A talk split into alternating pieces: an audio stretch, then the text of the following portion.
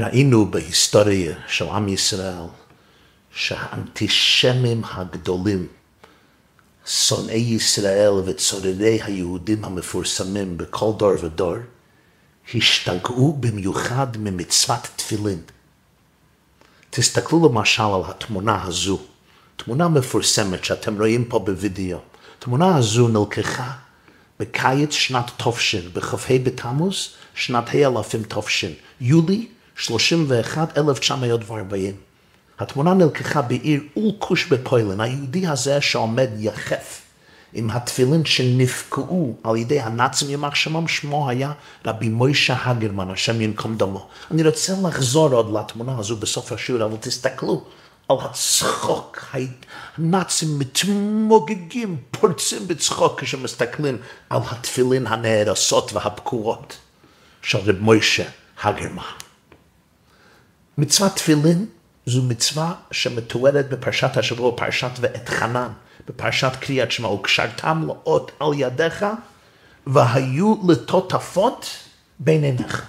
זו מצווה שמלווה עם היהודי כבר יותר משלושת אלפים שנה, כמעט בכל יום ויום מימי השנה. מניחים בכל יום תפילין של יד ותפילין על הראש. עוד אירוע, עוד אירוע, ששם גם רואים את ההתמקדות של שונאי ישראל על התפילין, זה כיבוש ביתר. כי ידוע, אחד מהאירועים שאנחנו מטבלים עליהם ביום תשעה באב זה היה כיבוש המבצע האחרון של מרידת בר כוכבא, ביתר.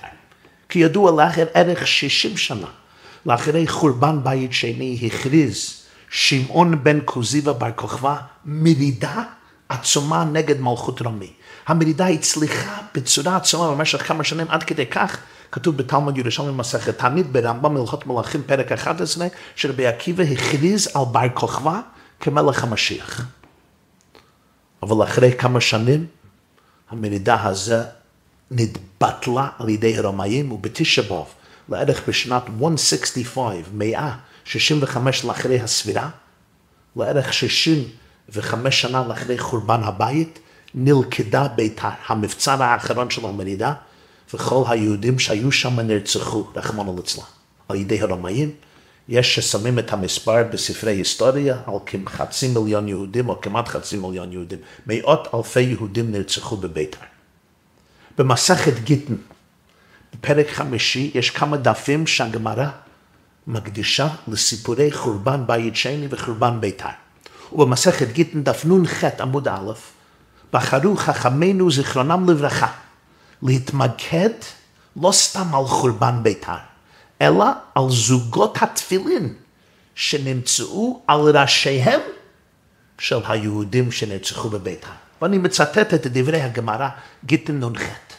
אמר רבא בר בר חנה, אמר רבי יוחנן, ארבעים שאה קצוצי תפילין נמצאו בראשי הרוגי ביתר, כלומר, על הראשים של הרוגי ביתר מצאו קצוצי תפילין. קצוצי זה בית של תפילין, נקרא, נקרא קציצה. אז על הראשים של הרוגי ביתר מצאו בתים של תפילין. כמה? ארבעים שאה. שאה הזו מידה מאוד נפוצה כבר מזמן המקרא. בזמן של חכמים, של החכמים, המשנה והתלמוד, המידה הזו הייתה נפוצה מאוד, כפי שרואים במשנה ובגמרא ובמדרש. שאה זה נפח, מידת נפח לערך 144 ביצים. בשיעורי זמננו יש חילוקי דעות בדיוק זה כמה, אבל זה נפח של 144 ביצים, זה שאה אחת. אומרת הגמרא, רבי יוחנן אמר, 40 שאה בתים של תפילין נמצאו בראשי הרוגי ביתר כשהם נרצחו. אבל ממשיכה הגמרא, רבי ינאי ברבי ישמעאל מסר מספר אחר. הוא אמר שמצאו על הורגי ביתר שלוש קופאות של ארבעים, ארבעים שאה. חשבון אחר, לפי רבי יוחנן מצאו ארבעים שאה של בתים של תפילין. אבל רבי ינאי, הבן של רבי ישמעאל, אומר לא. מצאו שלוש קופות, ובכל קופה היו ארבעים שאה של תפילין. הרי יש כאן חשבון של מאה ועשרים שאה. לכאורה זה ממש סתירה במציאות. מה היה? מה קרה? אומרת הגמרא, ולא פליגי, אין פה מחלוקת הודרשה, הודדרה. בערה מדרשה זה הראש, דרה זה הזרוע. תפילין של יד מניחים על הזרוע כנגד הלב. תפילין של ראש מניחים על הראש. אומרת הגמרא, אין סתירה. רש"י, רבינו שלמה יצחקי, הפרשן הבסיסית של התלמוד, מפרש כך. רבי יוחנן דיבר על תפילין של יד שמצאו בעל הרוגי ביתר. רבי ינאי ברבי שמואל דיבר על תפילין של ראש שמצאו על הרוגי ביתר. מה החילוק? מסביר רש"י שהתפילין של ראש היו גדולות פי שלוש מהתפילין של יד. ולכן התפילין של יד מצאו 40 שאה, תפילין של ראש מצאו כמה? שלוש פעמים. 40, 40, 40. 120 שאה. למה? אומר ככה רש"י. בתפילין של ראש, תסתכלו, יש ארבעה בתים נפרדים אחד מהשני, וכותבים כל פרשה על קלף נפרד, ומכניסים כל קלף בנפרד לבית שלו, ויש הפרד, יש הפרש, יש פירוד בין הבתים. והמושב של תפילין של ראש גדול יותר, אבל בתפילין של יד כותבים כל הארבע פרשיות על קלף אחד. ומכניסים אותו לבית אחד, אין פה ארבע בתים, כל הפרשיות נכתבים על קלף אחד ונכנסים לאותו קופסה, לאותו בית. אי לכך מסבירה שהתפילין של ראש שלהם היו גדולות מהתפילין של יד, ולכן מהתפילין של יד מצאו 40 שאה, מהתפילין של ראש מצאו פי שלוש, 120 שאה, אז אין סתירה. שואל רש"י, שאלה עצומה, אני לא מבין. הרי תפילין של ראש, בית של ראש, הייתה צריכה להיות גדולה ארבע פעמים מבית של יד. למה? כי מכניסים שמה ארבעה קלפים, ובשל יד מכניסים רק קלף אחד. אז אם מצאו ארבעים שאה של תפילין של יד, היו צריכים למצוא ארבעים, ועוד ארבעים, ועוד ארבעים, ועוד ארבעים של תפילין של ראש. היו צריכים למצוא תפילין של ראש במספר 160 שאה. עונה רש"י לא, לא. למה? כי הקלף בתפילין של יד צריך להיות גדול יותר. שהרי בו כותבים כל הארבע פרשיות. בתפילין של ראש, נכון, יש ארבעה קלפים וארבעה בתים, אבל כל קלף קטן יותר, כי נכתבת בו רק פרשה אחת. ולכן התפילין של ראש גדולה רק שלוש פעמים מתפילין של יד, לא ארבע פעמים. כלומר, תפילין של ראש יש ארבעה בתים נפרדים. וצריך שיהיה רווח ביניהם. והמושב שעליו יושבים ארבעת הבתים, אומר רש"י, רחב יותר ממושב תפילין של יד. אבל לא ארבע פעמים, רק שלוש פעמים, ולכן של יד מצאו ארבעים שאה, ושל ראש מצאו מאה ועשרים שאה, שלוש פעמים ארבעים, כי רבי יוחנן מדבר שמצאו תפילין של יד, רבי יאני מדבר שמצאו תפילין של ראש, ולכן מוסרים מספרים אחרים ואין סתירה ביניהם. אבל מוריי ורבותיי, על פירוש זה של רש"י יש לכאורה קושייה אדירה. איך אתה יכול להגיד לי שרבי יוחנן דיבר על תפילין של יד של הרוגי ביתר? הרי רבי יוחנן אמר בפירוש, ארבעים שאה קצוצי תפילין נמצאו בראשי הרוגי ביתר.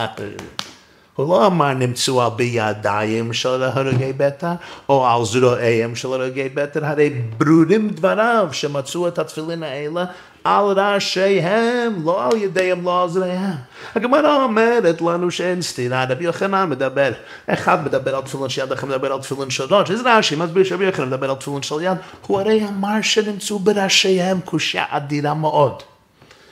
יש תירוץ חריף ומעניין מאוד מאת המהר"ם שיף. מי היה המהר"ם שיף? המהר"ם שיף הוא אחד מגדולי פרשני התלמוד שפירושו בסוף ספרי התלמוד נלמדים עד היום הזה ברוב הישיבות ובתי מדרש. זה, זה פירוש קשה להבין את זה, כי זה נכתב בקיצור, בקיצור, ולפעמים זה לא ברור, אבל החריפות שמה, והעמקות שמה, והבהירות שלו זה משהו מדהים.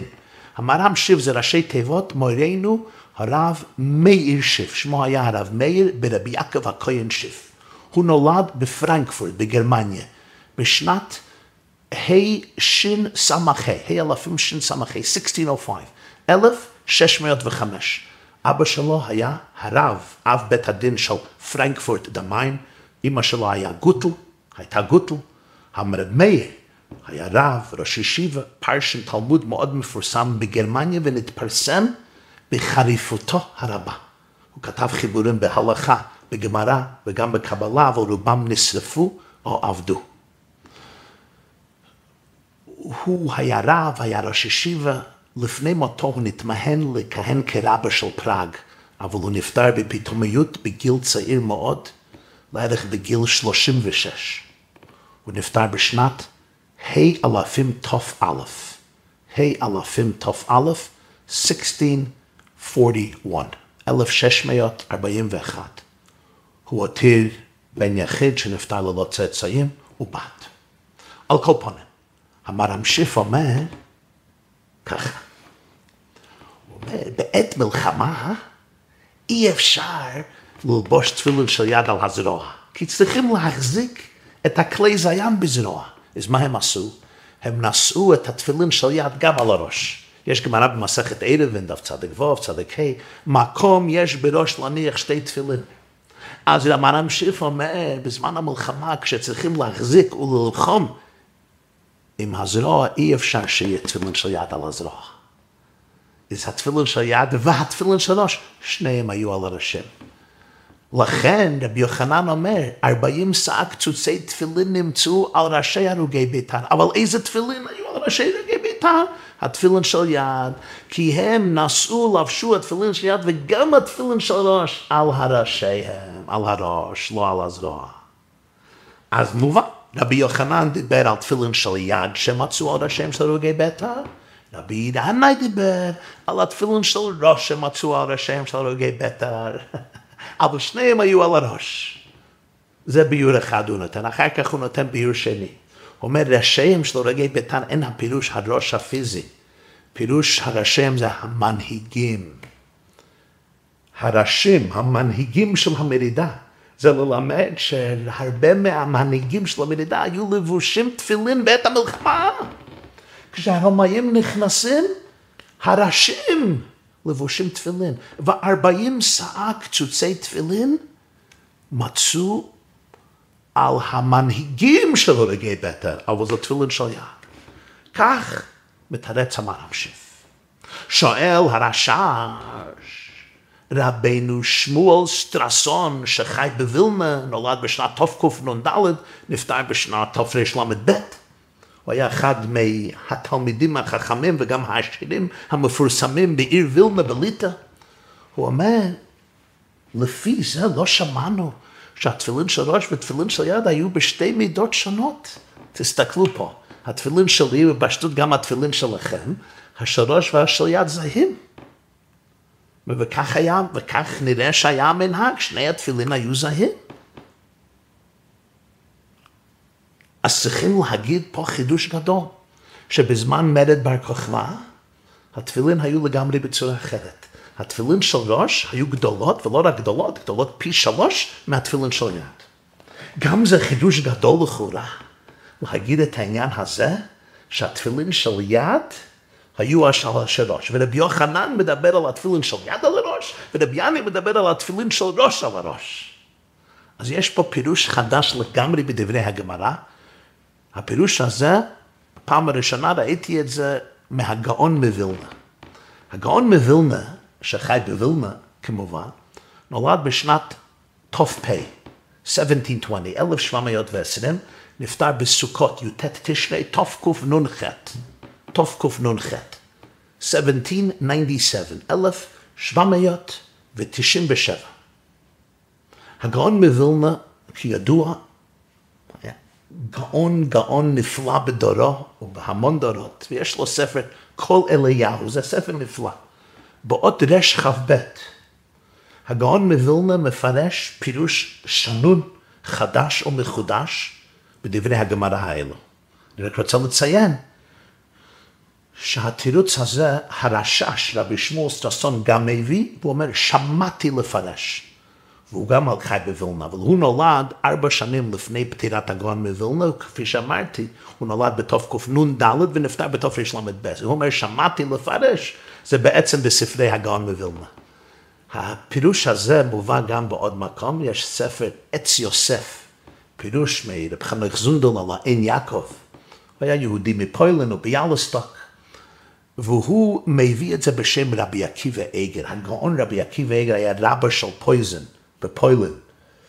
רבי עקיבא איגר, הוא מביא בשם רבי עקיבא איגר, זה. אבל רבי עקיבא איגר נולד לאחרי הגרוע ונפטר לאחרי הגרוע. רבי עקיבא איגר נולד בשנת תקכ"ב, 1762.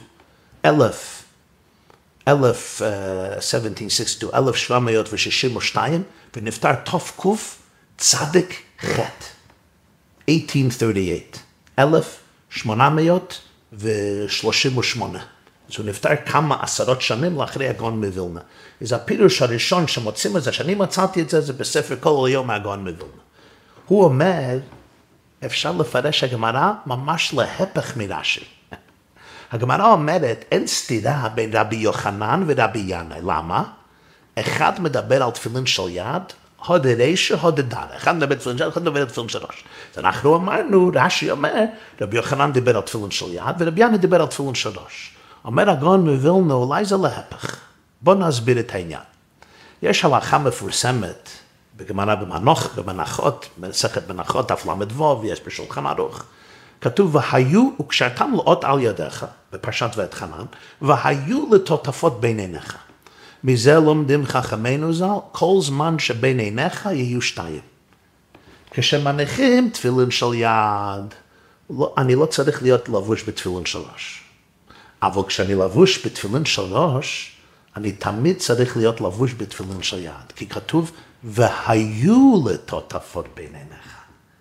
כל זמן שבין עיניך יהיו שתיים. אסור להיות לבוש בתפילין של ראש בלי תפילין של יד. כשמניחים תפילין של ראש זה צריך להיות לאחרי תפילין של יד. מזה למדו חכמינו זכרם לברכה הלכה הבסיסית שצריך תמיד להניח תחילה תפילין של יד ואחר כך תפילין של ראש. ולהפך, כשחולצים את התפילין, צריכים לחלוץ תחילה תפילין של ראש ואחר כך לחלוץ תפילין של יד. למה? כי תמיד צריך שתפילין של ראש יהיו כשיש גם תפילין של יד. אם כך טוען הגאון מווילנה, כשנכנסים לבית הכנסת, הוא אומר, תמצאו תמיד יהודים לבושים בתפילין של יד, פי שלוש יותר מיהודים שלבושים בתפילין של ראש. למה? אז הגאון מווילנה עושה חשבון, חשבון נפלא, וזה כל כך מעניין, אני אצטט את הלשון שלו בכל עלייה. דרך העולם, אין כל הקהל מתפללים ביחד. זה יתפלל כבר, זה מתפלל עכשיו, וזה מניח תפילין להתפלל. כלומר, זה כבר גמר את התפילה, כן. זה מתפלל, עכשיו הוא באמצע התפילה, וזה רק נכנס, הוא מתחיל להתפלל. אומר הגרו, זה שכבר התפלל, חולץ מאיתו תפילין של ראש. אבל השליד, הדיין, נמצא עליו, כי צריכים לחלוץ תפילין של ראש לפני תפילין של ראש. זה שמתחיל לעמוד להתפלל, הוא לא הניח עדיין כי אם תפילין של יד, עדיין צריך להניח תפילין של ראש.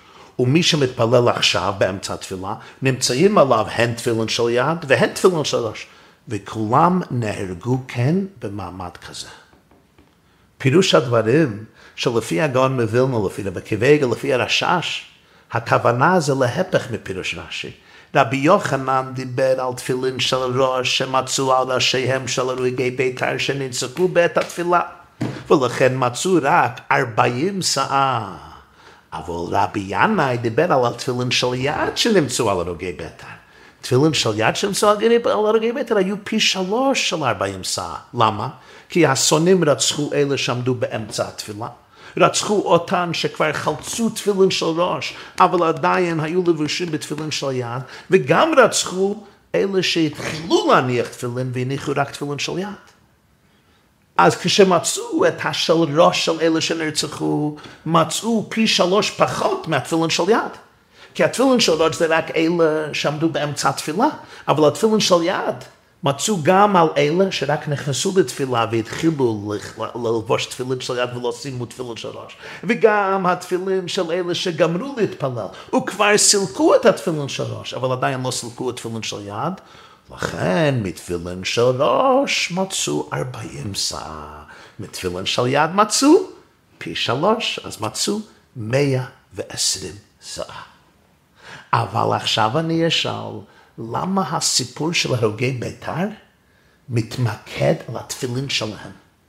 כאילו השונאי ישראל אספו את התפילין, או מישהו אסף את התפילין וספרו אותם. יש הסבר עמוק על זה מהמהר"ל מפראג בספר נצח ישראל פרק ז'.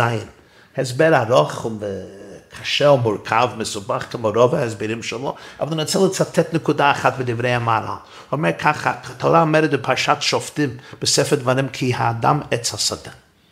האדם נקרא עץ השדה, אבל הוא אילן הפוך. אני זוכר פעם הייתי בנבדה, אז יש שם אילן שבאמת רואים את זה הפוך, השורשים למעלה והגזע למטה.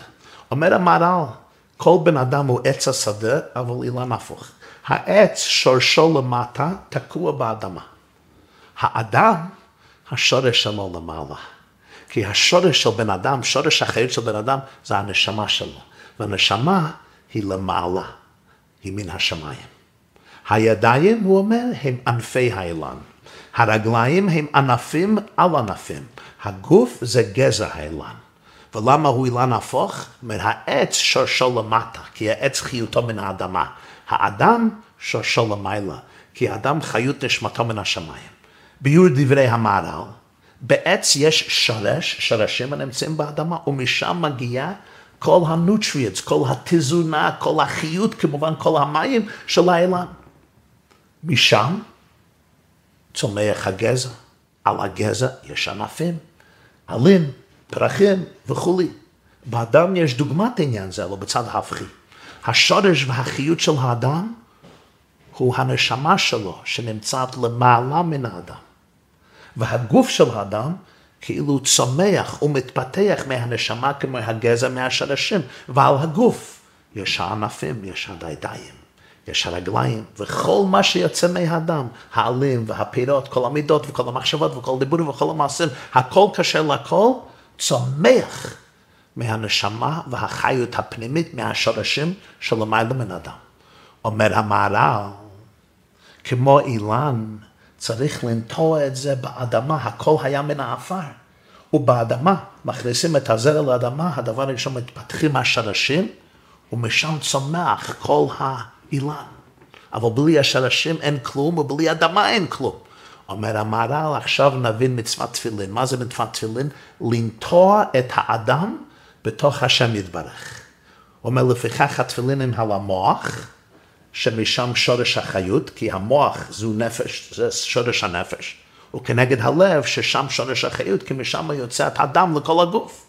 עד שיש להם נטייה עם עליונה השם יתברך. כלומר, המהר"ל אומר, התפילין, הבתים של התפילין והרצועות, הן הדרך לנטוע את האדם בתוך שורש ומקור כל ההוויה. שורש ומקור כל החיות, הקדוש ברוך הוא. התפילין הם כמו חוטים, רצועות, שרשים, שמחברים את האילן למקורו ושורשו. אז שוב, השורש של בן אדם זה הנשמה. הגוף זה כמו הגזע שיוצא מהשורש, אבל צריכים לנטוע את האילן בכל יום ויום. אנחנו נוטעים את האילן, כי האדם עץ השדה, הגוף, המוח והנשמה עם הרצויים, נוטעים את זה לתוך שורש הכללי של כל החיות, כמו שמכניסים פלוג, תקע, לתוך המקור, שיהיה זרם, שיהיה זרם של אינסוף, שיזרום דרך נפש האדם, כמו שורשי האילן שמקבלים מהעפר כל התזונה וכל המים שזקוקים, זה מצוות תפילין. זה נטיעה יומיומית, you plug in. אתה נוטה את עצמך לתוך שורש המציאות כולה, ומניח את עצמך שתהיה זרם של אור אינסוף האלוקי. אהה, והמהר"ל מסביר שאנשי ביתר היו מיוחדים בעניין זה, הגמרא מספרת שבביתר היו כל ילד שהיה נולד וכל ילדה שהייתה נולדת, היו נוטעים שתיל מארז עד שהם יתחתנו. ואז היו קוצצים את זה, או בונים איזה חופה, ושם היה בעיה גדולה, פשלה גדולה, מסופר בגמרא הוא אומר, זה לא סתם. הם היו מומחים בעניין הזה, להיות נטועים בחוזק, להיות מחובר. ומפני חטאינו גלינו מה שאנחנו מבקשים, מה אנחנו מבקשים בתפילת מוסף? תלינו ושתמך לארצנו ותיטענו בגבולנו. להיות נטוע בתוך הגבול שלך, להיות נטוע בתוך המהות שלך, להיות מקושר להוויה הפנימית, לשורש שלך, למהות שלך. אם אני לא נטוע, אם אני לא ממוקד, אם אני לא מחובר, אני כמו הפקר.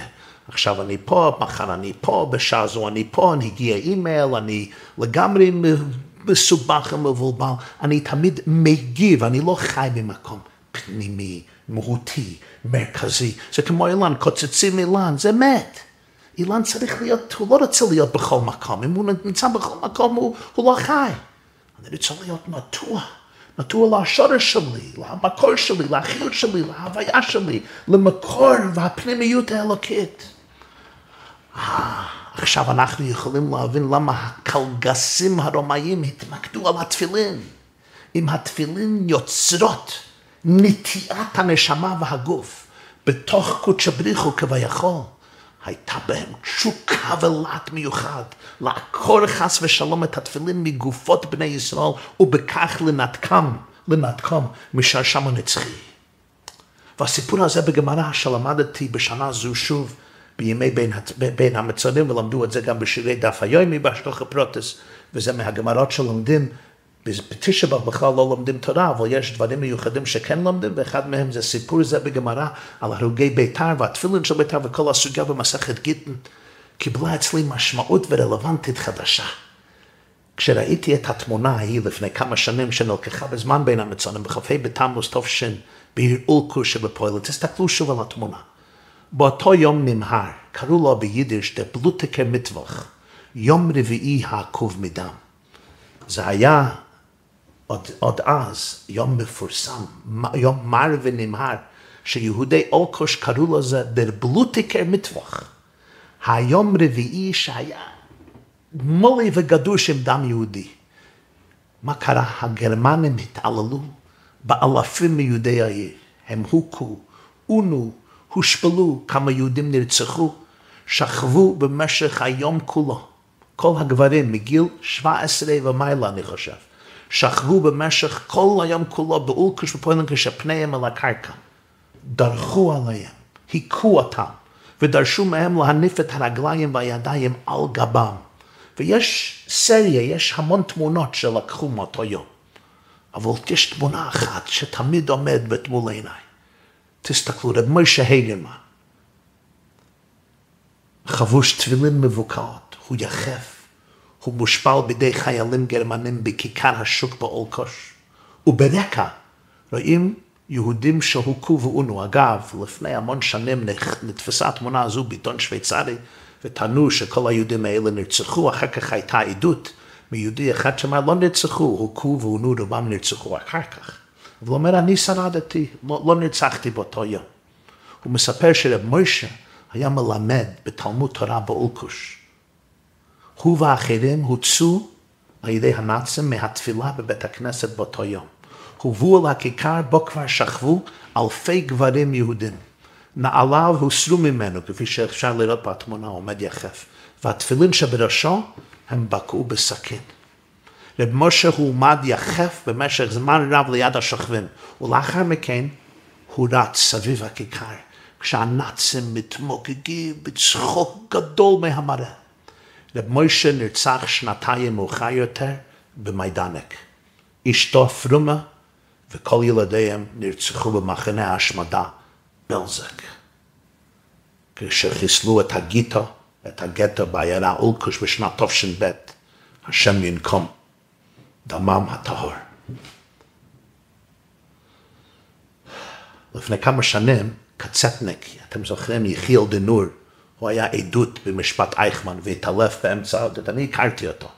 כי הוא היה כותב טור שבועי, כמעט שבועי, ביידיש, בעיתון של אבא, The Algemeiner Journal. יחיאל דנור, הוא היה באוישוויץ, אני חושב, כמעט שנתיים, וכתב המון ספרים. הוא היה סופר, סופר בעברית מפורסם, הסופר, ספרות שלו גם ביידיש, משהו לא מן העולם הזה. אני זוכר, אני, אני לא יודע איפה הכתבה הזו, הוא כתב פעם ביידיש על התמונה הזו. אני לא זוכר בדיוק, אבל הוא כתב על הקדושה שרואים ברב מוישה, רב מוישה הגרמן. אבל אתם תסתכלו על הניגוד בין שיא הקדושה ושיא הרוע. הנאצים הארורים, יימח שמם, עומדים וצוחקים על היהודי הזה, רב מוישה הגרמן היחף, והתפילין הפקועות שלו. תסתכלו עליהם רגע. עכשיו תסתכלו על האור האלוקי, העדין, המקודש, הבוקע מהרגליים הקדושות של רב מוישה ומהפנים שלו. ותסתכלו על האור הנובע מהתפילין הפקועות שנמצאו על ראשו של הרוג, של ההרוג מאולקוש שנהרג במיידנק. כי קרן אוי פני רב מוישה.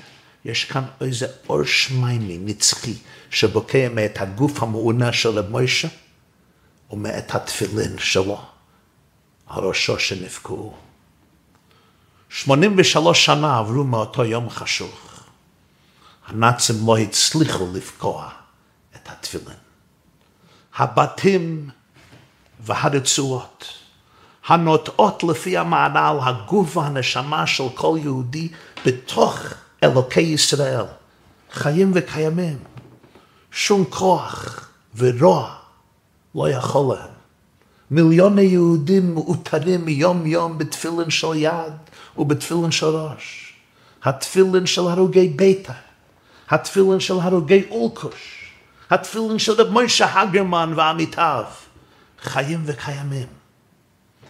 את התמונה הזו חייבים להראות לכל יהודי שחי היום בארץ ישראל, עם יד על הלב, איך לאחרי תמונה כזו יכול איש יהודי או יהודייה להתנגד ליהודי, לנער שמניח תפילין בדוכן בתל אביב או בחיפה או בהרצליה או בתחת המרכזית בירושלים.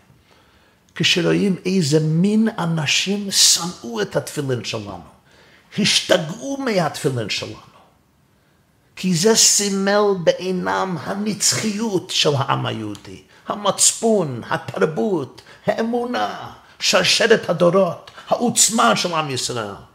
איך יכול יהודי בריא, עם טיפת כבוד עצמי, להתנגד למצווה הנצחית של הלכת תפילה? תודה רבה.